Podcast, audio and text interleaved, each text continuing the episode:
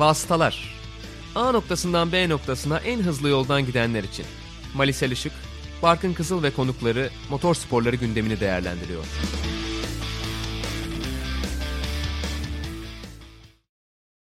Vasıtaların 58. bölümüne hoş geldiniz. Bu bölümümüzde Doktor Özel bölümü diye adlandırdığımız bu bölümde Valentino Rossi'yi konuşacağız. Bildiğiniz gibi emeklilik kararını açıkladıktan sonra da motorsporlarının en büyük gündem maddelerinden bir tanesi olmuştu Valentino Rossi. Ben Barkın Kızıl, Maris Işık ve konuğumuz İzgecan Günal'la beraber Vasıtaların bu bölümünde birlikteyiz. Hoş geldiniz. Hoş bulduk. Hoş bulduk. Tabii çok taze bir haberle aslında bu bölümü kaydediyoruz. Siz Rossi'nin emeklilik haberini bekliyor muydunuz ve haberi duyduğunuzda ne düşündünüz? Aslında onunla başlayabiliriz. Şöyle yani Rossi'nin emeklilik haberini bekliyor muyduk? Evet bekliyorduk. Çünkü artık kariyerinin zaten son dönemine geldiği ortadaydı ve pist üzerinde de Rossi'den alıştığımız başarıların hiçbirini gösteremiyordu. Özellikle bu sezon Petronas Yamaha'ya gitmesiyle birlikte. Önümüzdeki sezon VR46 takımının MotoGP'de yer alacağı zaten kesinleşti ki bu sezonda Luca Marini'nin motosikleti aslında VR46 takımı tarafından yönetiliyor. Yani Rossi'nin zaten emekli olunca MotoGP'de takım sahibi olacağı belliydi. Ve ateş olmayan yerden duman da çıkmaz. VR46 takımının gelmesiyle birlikte Rossi'nin emeklilik haberini zaten bekliyorduk açıkçası. Fabrika takımına ayrılmasıyla birlikte zaten bu söylentiler başlamıştı. Ama insan kendini yine de kötü hissediyor. Ya Valentino Rossi gibi bir efsanenin emeklilik haberini alınca ki hele de yaz arasından hemen sonra tam bir Grand Prix öncesinde alınca şunu düşünüyorsunuz. Bundan sonra yani önümüzdeki 8-9 yarıştan sonra bambaşka bir MotoGP izleyeceğiz. Çünkü 26 yıldır yarışan bir adam Valentino Rossi ve Rossi'nin olmadığı bir MotoGP düşünülemezdi ta ki emeklilik açıklamasına kadar. Evet yani düşündüğün zaman Valentino Rossi'siz bir grid... Valentino Rossi'siz bir grid olmayacak aslında. Yine pit duvarında olmaya devam edecek ama pistte Rossi'nin olmadığı bir e, MotoGP insanın pek kolay alışabileceği bir şey gibi durmuyor. Bir taraftan şöyle bir durum var bence. Rossi de benzer bir şekilde belki yani gözü arkada kalmayacak şekilde bırakıyordur. Bir ara Rossi emekli olsa MotoGP'de izleyecek kimsenin olmadığı bir dönemde vardı. Ya da daha doğrusu şeydi. Böyle bir Rossi şimdi gitse kimi izleyebiliriz, kim öne çıkar diye çok emin olmadığımız bir dönem vardı. Şimdi aslına bakarsan şartlar da biraz böyle Valentino Rossi gittikten sonra onun farklı yönlerini devam ettirebilecek yıldızları çıkarttı ve MotoGP Rossi sonrası döneme daha hazır bir şey hale geldi. Eğer bir de bir taraftan tabii Rossi çok uzun zamandır yarışıyor ve bir taraftan da belki de bu isimler böyle yetiştiği için ki zaten bahsederiz bölümün ilerleyen dakikalarında. Rossi'nin belki geriye düşme sebeplerinden bir tanesi de buydu. Tabii ki bir tanesi şu anda her ne kadar fabrika destekli yarışıyor da olsa takım değiştirmesi sonun başlangıcı dizge senin de söylediğin gibi. Ama bir taraftan Rossi gerçekten çok uzun yıllar pek çok değişikliğe ve yani sadece teknik olarak değişikliğe değil ama sürüş stili olarak da ciddi anlamda değişikliklere uyum sağlayabilen bir sürücüydü. Ama bir süre sonra her sporda oluyor. Sporun zirvesindeki adam sporun kendisinin onu geçtiği bir noktayı görüyor. Rossi için de sanki o noktaya doğru geliyoruz. Dolayısıyla Rossi'nin emekli olması için gereken şartlar aynı zamanda Rossi sonrası MotoGP'nin sağlıklı olmasını sağlayacak şartları da beraberinde getirdi. Evet aslında Mali az önce sen de bahsettin. Gerçekten MotoGP hani bu jenerasyonunu gösterecek şansa da sahip oldu. Mark Marquez'in uzun dönemli sakatlığıyla beraber öne çıkan birçok isim oldu. İşte Joamir başta olmak üzere herhalde Fabio Quartararo, işte Joan Zarco vesaire. Böyle bir dönemde emeklilik kararının gelmesi gerçekten muhtemelen hani o bahsettiğin MotoGP olan ilgiyi de normalde azaltacağından daha az etkileyecektir gibi gözüküyor. Zaten hali hazırda hani Rossi şampiyonluk mücadelesinin içinde değilken bile çok keyifli bir şampiyonu izliyoruz zaten. İzge'de anlatıyor. Bu noktada biraz da Valentino Rossi'nin kariyerine aslında gözlerimizi çevirelim. 1996 yılından beri Grand Prix motosiklet yarışlarında yarışıyor ve 425 start almış durumda. Gerçekten inanılmaz rakamlar ve bizim jenerasyonumuzun aslında hani Valentino Rossi'siz bir yarış izlemediğini söyleyebiliriz. Bu süreç içinde de 5 farklı motor kuralıyla hem de hem 2 zamanlı hem de 4 zamanlı motosikletlerle şampiyonluklar yaşamayı başardı Valentino Rossi ve bu anlamda da aslında uyum sağlama konusunda da çok iyi, çok iddialı bir isim olduğunu gösterdi ve uyum bulduktan sonra da aslında sürdürülebilir bir halde tuttuğunu da gösteriyor diyebiliriz herhalde. Kesinlikle öyle. Yani Rossi'nin yalnızca 1000 cc'de şampiyonluğu yok. Orada da yani zaten birazdan bahsederiz rakiplerinden konuşurken. Yani 2015'te kaçan bir şampiyonluk var aslında. 1000 cc ile çok yaklaştığı bir şampiyonluk var. Söz konusu Valentino Rossi olduğu zaman. Yani 125, 250, 500, 990 ve 1800 cc'lik motosikletlerle kazanmayı başardı. Belki bundan daha önemli bir şey uyum sağlama konusunda yaptığı. Birden fazla markayla dünya şampiyonu oldu Valentino Rossi. Yani mesela şimdi bugün baktığımızda istatistiksel olarak yani Rossi'nin tarihin en iyisi olduğunu söyleyebileceğimiz belki sadece bir tane istatistik var. O da Premier sınıftaki toplam yarış galibiyeti sayısı. Ki tüm sınıfları aldığımızda yine Agostini'nin gerisinde Rossi. Şampiyonluk sayısında yine Agostini'nin gerisinde. İşte pol rekorunu zaten Marquez çoktan aldı vesaire. Ama mesela Mark Marquez'in hayatı boyunca yapamadığı bir şey. Denemedi bile, deneyemedi bile. Honda dışında bir markayla şampiyonluk kovalamak, şampiyon olmak. Rossi bunu yaptı. Agostini bile var bir tane şampiyonluğu Yamaha'yla ama Agostini deyince akla sadece Enver Agusta geliyor belki de o ilk dönemlere baktığımız zaman.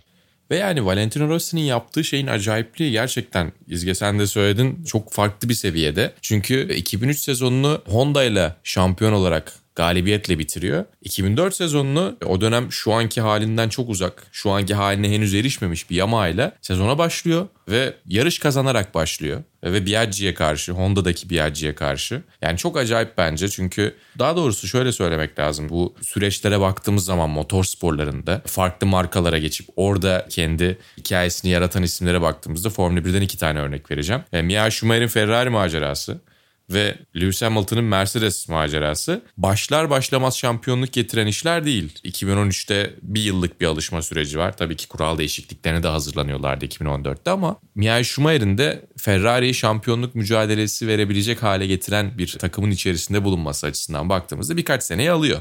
Yani 1998'de 99'a kadar sürüyor diyeyim hani sonuçta kaçan şampiyonluklar onlar açıkçası. Özellikle 1999. Dolayısıyla Valentino Rossi'nin Honda'yı bırakıp ki Honda'nın zirvesindeyken bırakıp ki yine bence bölüm içerisinde bolca bahsedeceğiz. İlkini ben söyleyeyim. Mark Neal'ın MotoGP belgeselleri içerisinde sıklıkla anlatılan geçiş Faster belgeselinde olduğu gibi Rossi'nin Honda'yı bırakıp e, ardından Yamaha ile sıfırdan bir şey inşa ederek aynı sene içerisinde hiç şampiyonluk veya hiç vakit kaybetmeden neredeyse şampiyonluklarına devam edebiliyor olması herhalde motor sporlarında bir tek verebileceğimiz örnek Juan Manuel Fangio diye düşünüyorum. O bırakıp farklı bir markayla devam ettiğinde hiç ritmini bozmadan, hiç hız kesmeden devam edebilen nadir isimlerden bir tanesiydi. Yani o açıdan bakıldığında da Valentino Rossi'nin başardıkları çok özel. Şu an Yamaha'yı MotoGP'de söz sahibi, MotoGP'nin köşe taşı markalardan bir tanesi olarak görüyorsak, son döneminden bahsediyorum. MotoGP ismindeki Premier sınıftan bahsediyorum. Öncesi tabii ki çok güzel dönemleri var ama e, son dönemdeki Yamaha'nın sağlamlığı Valentino Rossi'nin içerisinde bulunduğu yine aynı şekilde yarış mühendisi, ekip şefi Jeremy Burgess'la birlikte inşa ettikleri o çok acayip hanedanlıkla ortaya çıktı ki onu da alıp gelmişti zaten Honda'dan. Yani bunlar bir araya geldiği zaman açıkçası Valentino Rossi'nin sadece bir sürücü olarak değil ama etrafındakileri toplayıp ortaya çok başarılı bir iş, başarılı bir marka bir başarı hikayesi çıkarabilmesi de bence çok önemli kariyerinde. Ve evet onu çok farklı yönleriyle de hatırlayacağız zaten. Ama bu belki biraz arka planda kalan ama yine de bence üzerine konuşulması gereken özelliklerinden bir tanesi. Evet aslında hani sadece farklı motosikletlere değil farklı markalara da uyum sağlaması gerçekten önemli bir özellik ve yani örnek vermek için de Fangio'ya kadar gitmek durumunda kaldın Mali. Aslında bu da hani ne kadar sıklıkla görmediğimiz bir durum olduğunu gösteriyor diyebiliriz herhalde. Ee, peki Rossi'nin rakiplerine gelelim. Tabii yani doğrudan rakip olduğu isimlere çok fazla şampiyonluk bırakmadığı için biraz daha hem pist üstünde hem griddeki tutumlara göre herhalde rakipleri de değerlendireceğiz diye düşünüyorum. Bir de şöyle bir faktör var. Zaten yayından önce konuşurken siz de bahsediyordunuz. Rossi olmasa MotoGP'de bugün belki hani emekliliğini olmasa da en azından kendisinden bahsedeceğimiz başka bir isim olabilirdi ya da birileri daha olabilirdi efsane kategorisine girebilecek şeklinde. Ve şüphesiz Rossi'nin rakiplerinden bazıları da onlardan. Nereden başlayalım isterseniz? ilk kimle başlayalım? Dilerseniz Max Biaggi ile konuşmaya başlayabiliriz. Tabii ya şöyle bir şey söyleyeceğim. Şimdi Rossi'nin emeklilik haberini aldığımızdan beri benim WWE yayın partnerim İlker Duralı ile konuşuyoruz. İlker abi de MotoGP işte ilk Türkiye'de yayınlandığı dönem belki 2000'lerin başlarında Eurosport'ta anlatmıştı MotoGP'yi ve tam işte o Rossi Biaggi çekişmesinin en şaşalı olduğu dönemde aslında MotoGP anlatıyordu. Bana şey sordu o. Ya Rossi'nin sence en büyük kariyerindeki rakibi kimdi? Biaggi miydi? Marquez miydi? Kimdi diye sordu. Ben yani ilk bu soruyu duyduğum günden beri aslında Rossi'nin en büyük rakibi kimdi diye düşünüyorum. Çünkü çok fazla önemli rakibi oldu. Ve mesela Rossi'nin domine ettiği sezonlar var. 2003 onlardan bir tanesi. Her yarış podyuma çıktı. Bugün böyle bir şey olsa sıkılırız ki Marquez böyle şeyler yapıyor. Ve biraz daha sıkıcı MotoGP Marquez bunları yaptığında Rossi'nin dönemine göre. Fakat Rossi'nin dominant sezonları bile çok keyifliydi. 2003'e geliriz belki ama 2001 özellikle Max Biaggi, Valentino Rossi çekişmesinde bambaşka bir yerde. Bir kere zaten sezon Suzuka'da açılıyor ve Suzuka'da yani Rossi ile Biaggi'nin işte birbirlerine karşılıklı hareket çektiği bir an var. İşte Rossi'nin Biaggi'ye orta parmağını kaldırdığı an zaten MotoGP'nin en ikonik fotoğraflarından bir tanesi mesela. Az önce yayından önce konuşurken de Mali söyledi onu belki biraz daha açar. Ama Rossi olmasaydı Biaggi gerçekten MotoGP tarihinin en büyüklerinden bir tanesi olacaktı belki de. Ama öyle bir Rossi'ye denk geldi ki. Yani 2001'de Suzuka var. Phillip Island'da benim hayatımda anlattığım en iyi yarıştı son Avusturya Grand Prix'sine kadar. Geçmiş yarışları anlatma şansı bulduğumuz için müthiş bir yarış var. Yani baştan sona Biaggi ile çekişerek götürdükleri bir yarış var. Barcelona'da basın toplantısından önce yumruk yumruğa geldikleri bir an var Max Biaggi ile. Ya şu garip biraz. Rossi'nin bütün çekişmelerinden bahsederken aslında çoğunluğunda en azından işin ne kadar kişiselleştiğinden de bahsedeceğiz. Yani Rossi çok güleç, çok komik. MotoGP'ye gerçekten eğlence faktörünü çok ciddi şekilde katmış bir isim. Ve hep onu zaten gülen yüzüyle hatırlıyoruz bir yandan. Ama bütün çekişmeleri de yani neredeyse kan davası noktasına gelecek kadar da sertti bir yandan. Biaggi donun başlangıcı herhalde. Evet yani zaten çok net verebileceğimiz örneklerden bir tanesi diye düşünüyorum. Eğer Michael Jordan olmasaydı Carmelo ve John Stockton çok ciddi sayıda şampiyonluklar kazanmış ve farklı türden bir NBA efsanesi olacaktı ikisi de. Max Biaggi'nin Valentino Rossi'ye denk gelmesi de tam anlamıyla o kanattan, o tattan bir talihsizlik belki. Ki Max Biaggi 250 cc'de çok başarılı bir isim. MotoGP'ye o zamanki adıyla 500 cc'ye çıktıktan sonra da e, açıkçası Premier sınıfın yeni kralı olacak diye bekleniyor. Rossi ile taban tabana zıt karakterlere sahip sahipler.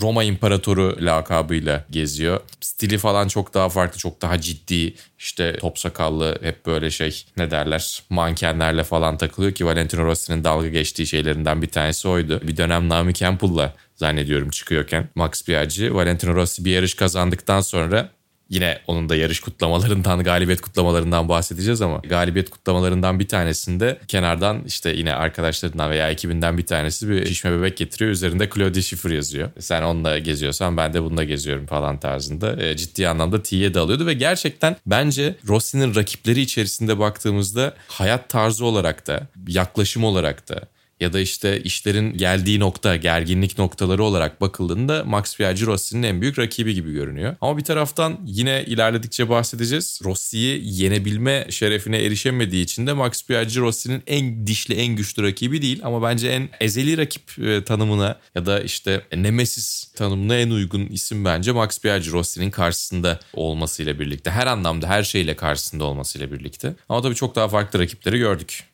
Evet sen Rossi'ye karşı kazanamayanlar şeklinde bahsettin. 2000'li yıllarda Rossi'ye karşı kazanan isimler Nick Hayden ve Casey Stoner. Biraz da isterseniz onlardan bahsedelim. Yavaş yavaş Marquez'e doğru da geliriz.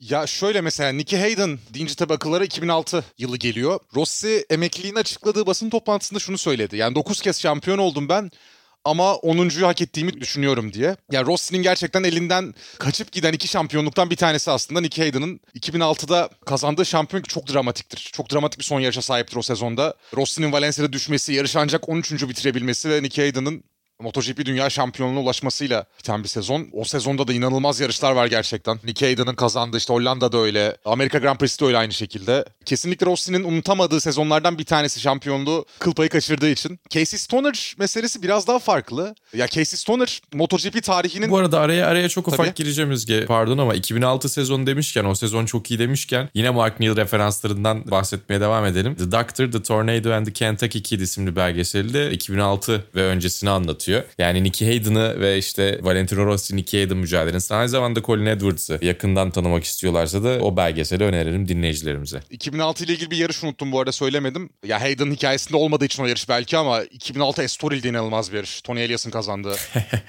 Onun hikayesi bu arada çok büyük ihtimalle her şey yolunda giderse daha doğrusu önümüzdeki Sokrates dergide çok ufak bir kısım olarak var. Birkaç farklı detayların olduğu böyle birden fazla ilginç hikayelerini derlediğim bir yazı oldu motorsporları tarihinde. Bir tanesi de Estoril. Nefis bir yarış o da gerçekten inanılmaz. Okumayı da keyifle bekliyorum. Ya bu arada çok ufak ben de bir hatırlatma yapayım. Biz de vasıtalarda daha önce film tavsiyelerinde bulunmuştuk. Mali yine bu filmden de bahsetmişti. O bölümü de dinleyebilirsiniz. 22. bölümümüz diyelim. Ya Mark Neal ne yaptıysa, Evet, Mark yani- Neal ne yaptıysa, ne tarz işler çıkarttıysa oturun izleyin açıkçası. Motorsporların en iyi belgeselcilerinden bir tanesi bence. Buraya da ufak bir reklam kuşağı atmış olalım. Tekrar sözü bırakalım. Tabii. Ya bu arada Mark Neal deyince de akıllara herhalde ilk Hitting the Apex gelir ama biz seninle herhalde anlaşmış durumdayız. Faster'ın daha iyi olduğu konusunda. Mali. Faster da çok güzel, Fastest da güzel. Arada bir tane Faster and Faster var bu arada. Çok daha az biliniyor. Ya hepsi çok güzel açıkçası. Ben Fastest'ın girişini çok daha fazla beğeniyorum galiba. Çünkü ya bilmiyorum çok değişiyor birbirinden çok daha farklı yine dediğim gibi yani çok özel yarışlardan bahsedeceğiz. Bu arada tabii şöyle bir durum var. E, Nicky Hayden'dan daha doğrusu Max Biaggi'den direkt Nicky Hayden'a oradan da Casey Stoner'a geçiyoruz. Arada da çok çabuk bir şekilde hızlı bir şekilde Rossi tarafından harcanan bir Sete Gibernau var. Onun için de 2005 Herez'i izleyebilirler veya işte 2005 Herez'in hikayesini takip edebilirler e, dinleyicilerimiz. Ya mesela 2003'te Cibernau için belki örnek verilebilecek bir sezon. İşte o az önce bahsettiğim Rossi'nin her yarış podyuma çıktığı sezon 2003. Ve yani Sete Bernau'nun da bir tane bitiremediği yarış var. Bir tane yedinciliği var zannediyorum. Onların dışındaki en kötü sonucu dördüncülük Sete Bernau'nun da. Mükemmel bir sezon. Mükemmel çok yakın bir sezon geçiriyor ama işte karşısında mükemmel olunca orada Rossi'ye diş geçiremiyorsunuz. O dönem özellikle Rossi'ye diş geçiremiyorsunuz. Stoner vakası çok daha farklı bir vaka. Çünkü Valentino Rossi'nin tabii ki bütün bu karakteri hem işte düşmanlarıyla diyeyim olan rekabetindeki sertlik hem eğlenceli kişiliği hem karizmatikliği vesaire bütün bunların aslında altını dolduran şey Valentino Rossi'nin çok yetenekli bir sürücü olması. Çok hızlı bir sürücü olması. Ve her zaman da pistte gerçekten bu pist dışı olan şeylerin devamını getirebiliyor olması. Casey Stoner fakat MotoGP tarihinin gördüğü belki en saf yetenek ve çok da erken bu arada MotoGP kariyerine veda eden bir isim. Ya bir tek Mark Marquez'le kıyaslayabiliriz herhalde saf yetenek olarak Muhtemelen, değil mi? muhtemelen. Ben de bir ufak reklam yapmış olayım madem. The Age of 27 belgeseli var. Esport Plus'ta da var. Bunu da tavsiye ederim. Yani Casey Stoner'ın hayatını özellikle kariyerini nasıl geliştiğini merak edenler için. Şimdi Stoner ve Rossi deyince benim aklıma iki şey geliyor tabii ki. Bunların bir tanesi 2008 Laguna Seca yarışı. Ya gerçekten dirsek dirseğe bir mücadele. En son şeyle bilinir o. Rossi'nin Corkscrew'da Laguna Seca'nın o ünlü yokuş aşağı şikanında toprak bölümden gelerek gelip Stoner'ı geçtiği anla bilinir. Stoner'ı böyle biraz dışarı doğru iterek. En efsanevi yarışlardan bir tanesidir MotoGP tarihinde hakikaten. Bir de 2011 Jerez var tabii. Yani Rossi'nin yarış içindeki kapışmada Stoner'ı düşürdüğü, Stoner'ın buna çok sinirlendiği ve ardından garajda ondan özür dilemeye gelen Valentino Rossi'ye hırsın yeteneğinden daha fazla e, dediği bir an var. MotoGP tarihinden ikonik laflarından bir tanesi yani your ambition outweighed your talent dedi ve Valentino Rossi'ye ya yeteneğin yetmedi diyebilecek tarihteki tek insan belki de Casey Stoner. Ve bir de şey tabii o anda gerçekten doğru diyebileceğiniz bir cümleydi. Belki başka bir zaman söylüyor olsaydı tuzlanmış diyebilirdiniz belki ama açıkçası o an içinde gerçekten Rossi'nin iyi bir döneminden geçmediğini ve Ducati ile istediği başarıları elde edemezken gerçekten o motosikletle yapabileceklerinin çok daha ötesine gitmeye çalıştığını ve bu yüzden de Stoner'ı düşürdüğünü hem Rossi hem de Stoner biliyordu hem de biz de biliyorduk. O anlamda yani belli bir bağlama oturttuğunuzda da o gün için doğru bir cümleydi bir taraftan. Evet dilerseniz Jorge Lorenzo ile devam edelim. O da yine çünkü Rossi'nin aktif olduğu dönemde diyeceğim. Birden fazla şampiyonlukta kazanabilmiş bir isim. E zaten Mark Marquez'den önceki de son durağımız gördüğünüz gibi çok fazla hani Rossi'ye doğrudan rakip gösterip onu mağlup etti diyebileceğimiz isim de yok. Dolayısıyla Lorenzo ile devam edelim. Sonra da Marquez'i konuşuruz ki yani bence en azından benim anlayışıma göre en büyük rakibi Marquez diye düşünüyorum sayılara bakarak ama oraya gelmeden önce Lorenzo ile devam edelim isterseniz.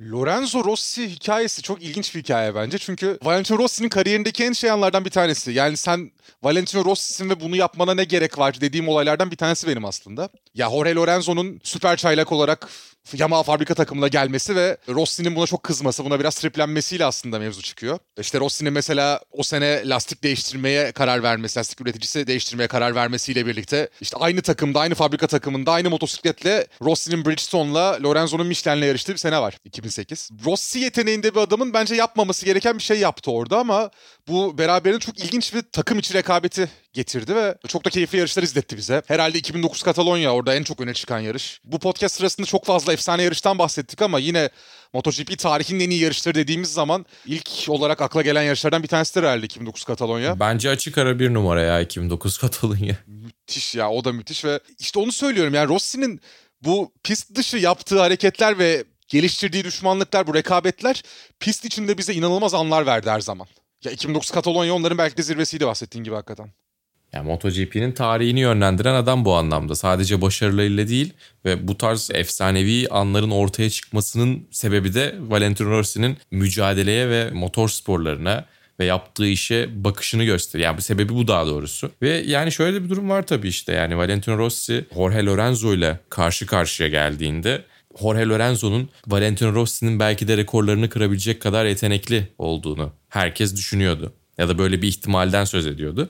Biraz bunu hadsizlik olarak görmüş gibiydi Valentino Rossi ki yani o dönem içinde bence çok haksız değildi. Çünkü 2008'de evet hızlıydı ama hızlı olmadığı zaman motosikletin üstünde 5 metre havada uçuyordu Jorge Lorenzo çaylak sezonunda. Ve hepimiz biliyoruz MotoGP'de özellikle motosiklet sporlarında çok hızlı bir şekilde gelebilirsiniz. Ama zirveye ulaştıktan sonra orada kalabilmek ve sağlıklı kalabilmek çok kolay değildir. Ki Casey Stoner o yüzden. Farklı sebeplerle tabii ki. Yani düşüp sakatlığı gibi değil belki. Onun daha e, laktoz intoleransı ve ardından yani sonrasında keşfediyor tabii ki bunu ama onun öncesinde ciddi yorgunluk emareleriyle birlikte 2009 sezonunda çökmüştü Casey Stoner. Ki zaten yarış numarası olan 27 yaşında emekli oldu. O yüzden sen yine bahsettin Esport Plus'taki belgeselde e, hem 27'nin çağı hem de 27 yaşında diye okunabiliyor Age of 27. O yüzden müthiş bir isim bence. E onun dışında yani Jorge Lorenzo da geldi gördü yendi ama orada çok uzun süre zirvede kalabilmek o kadar zor bir şey ki imkansıza yakın. Yani Mark Marquez bile belki bir daha zirveye girip nasıl bir şekilde gelecek ya da zirveye gelebilecek mi ondan %100 emin değiliz şu anda bunu kaydettiğimiz gün. Ve Rossi çok uzun zaman bunu yapmaya başardı.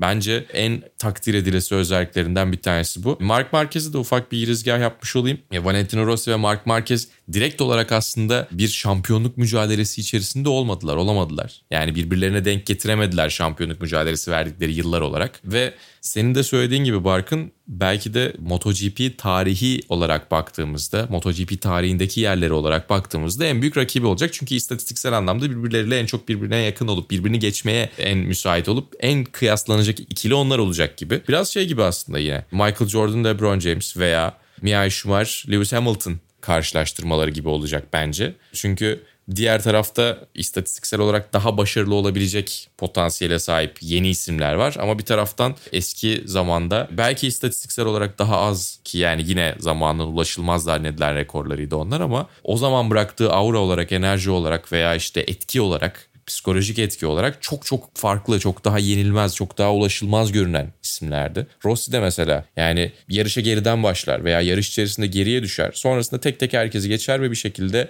yarışı kazanırdı ve yarışı kazandığında o yarışı kazandığında yapacağı o yarışı özel hazırladığı kutlaması da hazır olurdu. O kadar kendinden emindi. Ve bunu çok uzun süre devam ettirdi. Bence Valentino Rossi'nin dediğim gibi e, en çok takdir edilesi özelliklerinden bir tanesi zirvede kalmanın bu kadar zor olduğu bir sporda, zirvede kalmanın bu kadar e, zor olduğu bir motor sporları dalında bu kadar uzun süre o yenilmezliğini veya o kazanma yetisini devam ettirebilmesiydi bence. Marquez konusunda kesinlikle katılıyorum bu söylediklerine. Çünkü hakikaten yani aynı çağda çok yarıştılar ama hiç şampiyonluk mücadeleleri denk gelmedi birbirine. Birbirlerinin zirve dönemlerine çok denk gelmediler şeklinde herhalde ifade Hı-hı. etmek lazım. Yani ya Marquez evet. çok gençti ya Rossi biraz formunun zirvesinde aşağı doğru iniyordu. Şöyle oldu aslında. Şimdi 2015'ten bahsedeceğim. Çünkü Rossi'nin yine basın toplantısında bahsettiği kaçan şampiyonluklardan bir tanesi 2015'ti. Ve 2015'e geldiğimizde aslında zaten Marquez iki kez MotoGP dünya şampiyonuydu. Yani Rossi hala şampiyonluk mücadelesindeyken teknik olarak Marquez'in prime dönemindeydik de bir yandan ama o yıl şampiyonluk mücadelesine dahil olamadı. O yıl yine iki takım arkadaşı arasında Lorenzo ve Rossi arasında geçen bir şampiyonluk mücadelesi vardı ve yani Rossi muhtemelen o 10. şampiyonluğu alamamasının sebeplerinden bir tanesi olarak da Marquez'i görüyor ve 2015 Sepang'ı görüyor. Şimdi 2015 Malezya Grand Prix'si Sepang günümüzde artık MotoGP çevrelerinde çok duymak istemediğimiz bir şey. Çok fazla konuşuldu çünkü. Ve biraz da sıkıldı artık insanlar. Kim hatırlamıyorum. Matt Oxley olabilir galiba. MotoGP gazetecilerinden bir tanesi. Kendisine 2015 Sepang yazanları blokluyor otomatik olarak. Ya yani o hale geldi iş. Yani ona da gerek yok bence sonuçta yaşanan bir şey ama. Biraz şey gibi mi peki sence? Katılır mısın bilmiyorum İzge. Michael Schumacher için 1997 Jerez neyse Rossi için de 2015 Malezya o gibi. Olabilir evet. Ya tabii burada şöyle bir durum var tabii ki. Hani Jerez'de 97 Jerez'de Jacques Villeneuve'in pek bir suçu yoktu. 2015'te hem Marquez hem Rossi ikisi de aynı derecede suçlular bence. Ya Rossi'nin... Tek fark o tabii. Rossi'nin net suçu var bu arada olayda. Yani suçsuz değil kesinlikle. Tabii ki tabii Çünkü Marquez evet. gerçekten düşürmeye gidiyor. Ya pistin dışına itmeye gidiyordum diyebilir ama düşürmeye gidiyor bayağı gerçekten orada. E tabii ki. Yani bir de şöyle bir durum var. Öncesi de biraz garip. Evet Philip Island'da Mark Marquez'in arka tarafı yavaşlatıp Rossi arkasındayken yavaşlayıp sonrasında önde Lorenzo giderken aradaki farkı açıp sonra gidip Lorenzo'ya yetişip onu geçmesi Rossi'nin direkt olarak hani benim değil Lorenzo'nun şampiyon olmasını istiyor. İşte şampiyonluk sayısını ona çıkarttığımda onun için geçmesi daha zor olacak bir rekor olacak gibi düşünüyor ama bence Mark Marquez yine bunu tabii ki bilerek yapıyor. Ama Mark Marquez'in bunu yapma sebebi artık içerisinde etki yaratabileceği bir şampiyonluğa yok. Çünkü 2015 şampiyonluğu Mark Marquez'den uzaklaşalı çok oluyor sezonun o noktasında. Ve hala ben bir şeyler yapabiliyorum. Bir şeye etki edebiliyorum. Hala bir şeyler benim kontrolüm altındayı kanıtlamaya çalışıyor. Evet gereksiz tabii ama Philip Island'da olan şeyi Malezya'ya taşıyan Valentino Rossi'nin perşembe gününe getirdiği o tur evet. zamanları lap charttı. Orada basın toplantısında tek tek böyle Kemal Kılıçdaroğlu'nun ilk zamanları gibi böyle tek tek çıkıyordu ya millette belgelerle. Ee, yani o dönem gibi çıkıp bundan bahsetmesi tabii ki Valentino Rossi olduğu için bir etki yaratabileceğini düşünüyordu. Bir kamuoyu toplayıp arkasında ya evet bir dakika Mark Marquez bundan sonra daha akıllı davranır ben bunu söyleyince gibi düşünüyordu ama tamamen ters tepti. Ve belki perşembe günü ondan bahsetmemiş olsa pazar günü Mark Marquez Valentino Rossi'yi o kadar sert ataklar yapmayacaktı. Yani ikisinin de çok rahatlıkla düşebileceği 8-10 tane atak yaptı çok kısa süre içerisinde. Sonrasında da işler patlama noktasına geldi. Ya kesinlikle öyle. Onu bilmeyenler hakikaten baksın, izlesin. Açıp inanılmaz sert bir mücadele. Ya Rossi'nin ayakta kalıp devam etmiş olması bile ufak bir mucize orada. Çünkü öncesinde şey falan var. Hani Marquez geçiyor, Rossi geçiyor, Rossi arkasına bakıyor. İşte koluyla bir hareket yapıyor Marquez'e devam ediyorlar. O bahsettiğin sert ataklar üst üste gelmeye devam ediyor. En sonunda da Rossi düşürüyor hakikaten Marquez'i. Ve bu şuna mal oluyor tabii. Rossi'nin orada aldığı 3 ceza puanı ile birlikte o dönem ceza puan sistemi vardı MotoGP'de. 3 ceza puanı ile birlikte önceden bir ceza puanı daha olduğu için sezonun son yarışına Valencia Grand Prix'sine gridin en gerisinden başlamak zorunda kalması ve Valencia'da dördüncü olmuş yanlış hatırlamıyorsam. Dördüncü olmasına rağmen Lorenzo yarışı kazandığı için de şampiyonun Lorenzo'ya gitmesi gibi bir durum var aslında. Lorenzo ile olan çekişmesinin önemli anlarından bir tanesi olarak göremiyoruz bile 2015. Tabii ki görüyoruz ama 2015 deyince akılları yine de Rossi ve Marquez geliyor. Hatta yani çok daha küçük bir olay Rossi'nin kariyerine baktığımızda ama 2018'in o olaylı Arjantin Grand Prix'sinde işte Jack Miller'ın herkesin 10 sıra önünden başladığı Grand Prix'de. Orada da çarpışmıştı Marquez ve Rossi. Ki o yarışta da Marquez ceza almıştı. Rossi'yi düşürdüğü için 30 saniye ceza almıştı. Ki zaten Marquez 3 kere falan ceza aldı o yarışta. Orada bile hep bu ortaya çıktı. Yani 2015'ten gelen bir işte husumet var bu ikilinin arasında ve bir yandan da şey görmek istiyorduk tabii. Ya Marquez ve Rossi'nin prime'larının karşı karşıya gelmesini çok isterdik hakikaten.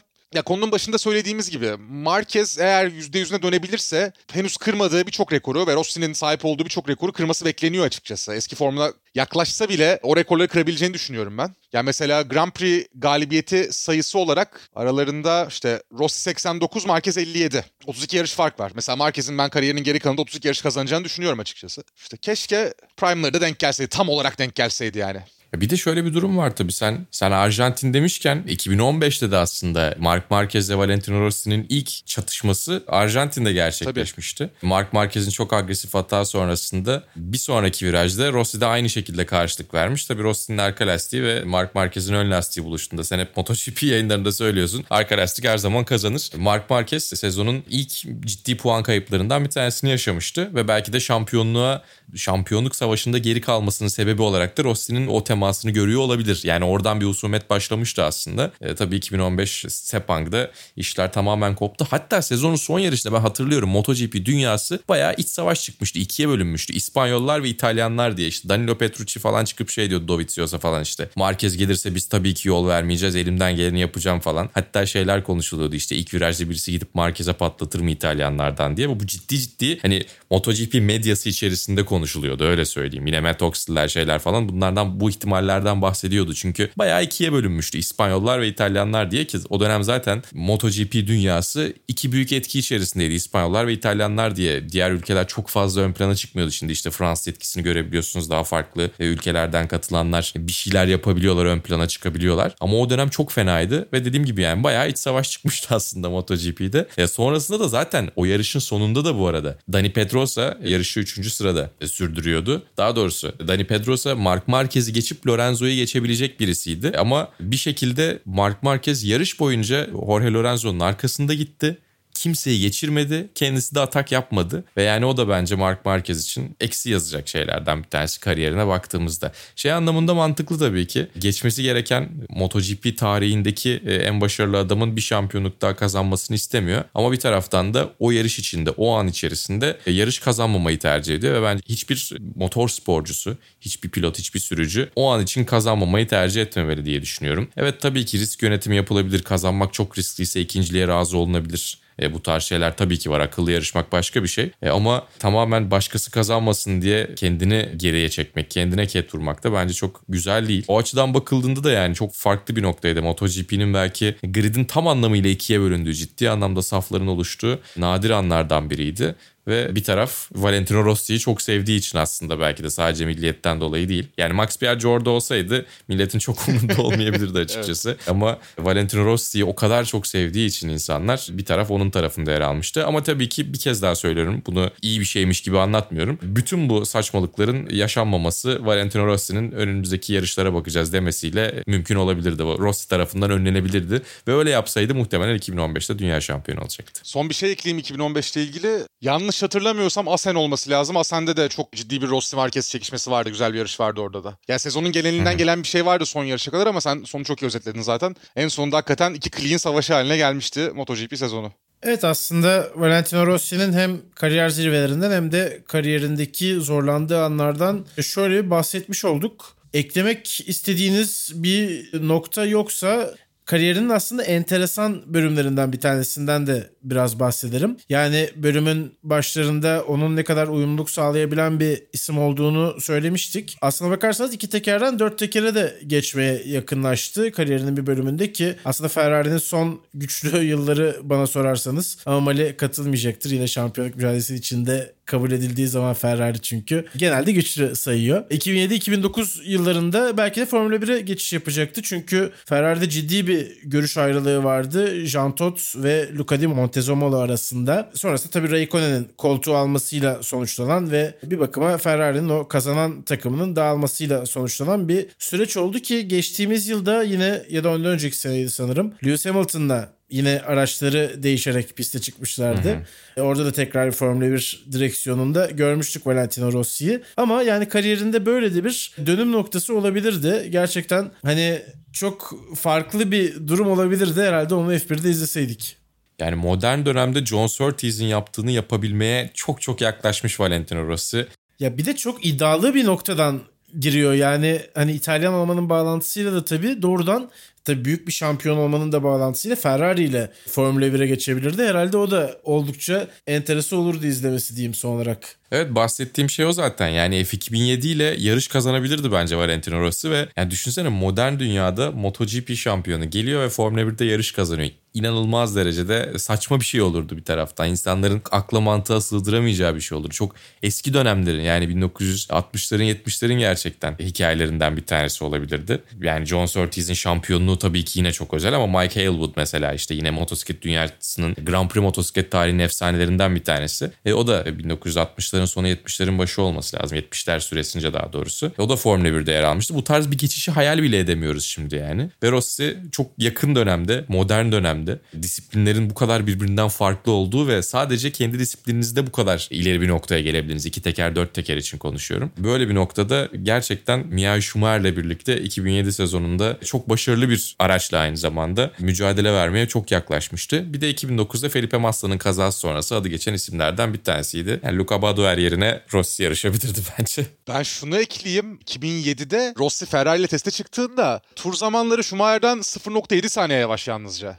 Evet. Akıl alır gibi Yarım bir şey. saniye kadar da yaklaşıyor hatta galiba. Tabii ki şartlar %100 aynı değildir ama ne olursa olsun Mia Schumacher de çok etkilenmiş. Ve yani müthiş bir şey o bir taraftan. Yani çünkü o zamanlar test kısıtlamaları ne derecede emin değilim. Tabii şey gibi değil. Michael Schumacher'in şampiyonluk yıllarındaki o sınırsız test zamanı gibi değil işte yarış hafta sonu içerisinde Fiorano'ya gidip uçağa atlayıp gidip tekrar gelinen dönem gibi. Uçağa atlayıp gidip evet o dönemler gibi değil tabii ki yine ama bir taraftan Rossi'nin o farkı dışarıdan kapatabileceği eksiği varsa ki vardır tabii ki eksiksiz gelecek hali yok ama o eksiğini dışarıdan kapatabileceği potansiyel de vardı. Yani çok çok heyecanlı çok e, acayip bir hikaye olabilirdi keşke 2007'de Schumacher Rossi ikilisini görseydik Ferrari'de. Ben o zaman onu şuraya bağlayayım. Yani Rossi zaten mesela 2010'larda şunu diyordu. Bu Formula 1 meselesi artık kapandıktan sonra aslında emekli olduktan sonra ben rally'e geçmek istiyorum diyordu. Yani Formula 1 için artık çok yaşlanıyorum ama rally'de devam edeceğim kariyerime diyordu. Zannediyorum 3 kez de Dünya Rally Şampiyonası yarışlarına çıktı Valentino Rossi. İşte Monza Rally Show'da zaten 7 kez galiba galibiyeti var. Bir yandan o tarafı var. Hemen ufak bir motosiklete geri döneyim. Mesela Rossi'nin Suzuka 8 saat kazanmışlığı da var. Yani motosiklet dünyasının en prestijli dayanıklılık yarışını da Honda ile o dönem Colin Edwards'la olması lazım. Edwards'la kazanmışlığı var.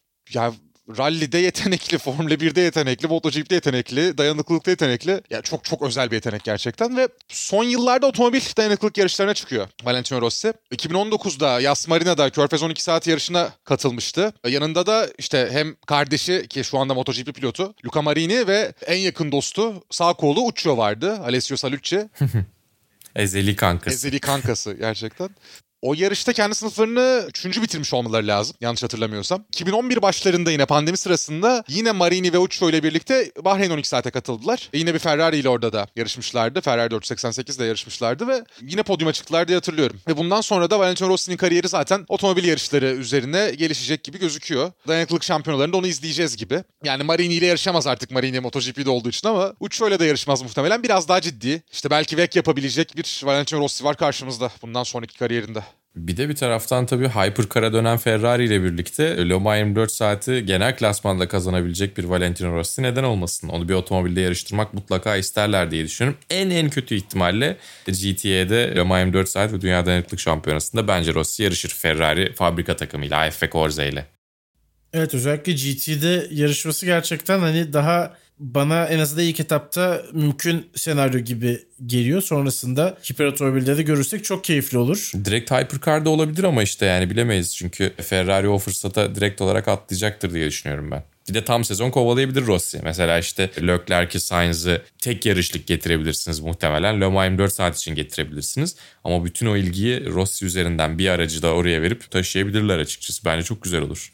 Evet yani gerçekten keşke olsa biz de hem izlesek hem anlatsak. E, aslında Rossi'nin emeklilik haberiyle başladık. Yine emeklilik noktasında da geri dönüyoruz yavaş yavaş bölümün sonuna gelirken. E, tabii emeklilik kararını almadan önce belki gerçekçi senaryolardan bir tanesi kendi takımıyla beraber MotoGP'de devam etmesi olabilirdi ama e, bunu tercih etmedi Valentino Rossi. Siz bunu neye bağlıyorsunuz? Sizce yani zamanın geldiğini tam olarak ona ne ifade etmiş olabilir? Bir de Red Bull Ring'de o korkutucu ucuz atlatılan kazanın da bunda bir etkisi var mıdır? Onu da konuşalım isterseniz. Ya bence Red Bull Ring'deki kazanın çok ciddi bir etkisi yoktur ama faktörlerden bir tanesidir diye düşünüyorum. Çünkü yine Rossi'nin bence kariyerinde kırılma noktası olabilecek erken emekli olma ihtimali çok yüksek olan bir yılda 2011 sezonu sonuydu. Çünkü Malezya'da Colin Edwards'la birlikte çok yakın arkadaşı Marco Simoncelli'ye çarpan iki sürücüden bir tanesiydi ve dolaylı olarak maalesef Simoncelli'nin de ölümünü yaşadı açıkçası Rossi direkt olarak orada. Yani sebep oldu diyemiyorum. Dolaylı olarak da olsa diyemiyorum. Çünkü öyle bir şey değil zaten. Ama e, o olayın içerisinde, o kazanın içerisindeydi ve orada emekliliğe çok yaklaştı Valentino Rossi 2011 sezonu sonunda belki veya belki bir sonraki yarışa bile çıkamayabilirdi. Ama oradan geri döndü çünkü biraz yarışçı psikolojisi öyle. Özellikle motosiklet sporlarında e, çok daha farklı bir mental yapıya sahipler ve çok kısa süre etki ediyor belki en azından olay içerisinde, o an içerisinde. Uzun vadeli olarak mutlaka etkisi olmuştur. Parçalardan bir tanesidir. Ama yine senin de bahsettiğin 2020 Avusturya Grand Prix'sinde de 15-20 santim en fazla önünden uçarak bir motosiklet geçtikten sonra yarış yeniden başladı ve Rossi o yarışı ilk 5'te bitirdi yanlış hatırlamıyorsam. Yani motosiklet yarışçıları biraz daha öyleler gerçekten ve e, tabii ki emekli olma yolunda etki etmiştir. Ama Rossi basın toplantısında da söylemişti. Ne olursa olsun geçmişte ne yaptı yaptığınız önemli değil. Şu anda elde ettiğiniz sonuçlar önemli motor sporlarında demişti ve bence Rossi'nin emekli olmasının en büyük etkisi şu anda istediği sonuçları elde edemiyor olması. Evet ben katılıyorum buna. Rossi mesela gerçekten çok yaşlı gibi gördüğümüz anlardan bir tanesiydi o Morbidelli Zarco kazasının sonrasında garajdan verdiği görüntü ama yarım saat bile olmadan belki tekrar çıktı yarışa ve 5. bitirmişti. Doğru hatırlıyorsun. Şöyle ya MotoGP dünyasında şey çok vardır. Uzaylı kelimesi çok kullanılır ya her zaman. Über yetenekler için evet. kullanılır. Ben de son yarışta Avusturya Grand Prix'te insan değil bunlar dedim ve orada kastım oydu. Yani MotoGP'de gerçekten yarışan insanların fiziksel olarak da yetenek olarak da kafa yapısı olarak da gerçekten uzaylı olduğunu düşünüyorum. Yani çok fazla insan olmadıklarını düşünüyorum. O an acaba Rossi emekli olur mu sorusunu bence herkes sordu o yarış sonrasında. Ama Rossi ondan sonra bir buçuk sezon daha devam etmeye karar verdi kendi takımda niye yarışmıyor sorusu var. Tabii ki ya şöyle olacak. VR46 Racing takımı ki zaten bu sene de öyle. Yani fiilen şu anda öyle bir takım var. Luca Marini yarışıyor VR46 takımıyla. Ya Valentino Rossi markasını daha fazla kullanacaklar ve Rossi'nin ekibi takımı yönetecek gibi gözüküyor. Şimdi Rossi mesela işte VEC'te yarışıyor olsun diyelim. Bir herhangi bir otomobil serisinde yarışıyor olsun diyelim. O serinin bir yarışıyla bir MotoGP yarışı denk geldiği zaman kendi yarışacağı seriyi tercih edecek. Yani ben günlük olarak takımın yönetiminde ne kadar etki sahibi olacak bilmiyorum. Hatta şöyle bir şey var. E, niye kendi takımında devam etmiyorsun diye sordular Rossi'ye. Rossi şunu söyledi. Bana kendi takımımdan resmi teklif geldi dedi. Yani aslında VR46 Ducati takımında yarışacak sürücülere de karar veren resmi merci de Rossi değil burada. Bunu görüyoruz aslında. Fakat şunu söylüyor yani ben bu yaşımda... Kendi kendine mail atmış gibi değil mi sanki öyle söyleyince?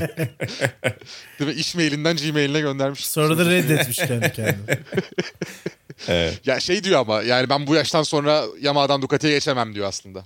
Yani ana sebebi o bence kendi takımında yarışmıyor olmasının.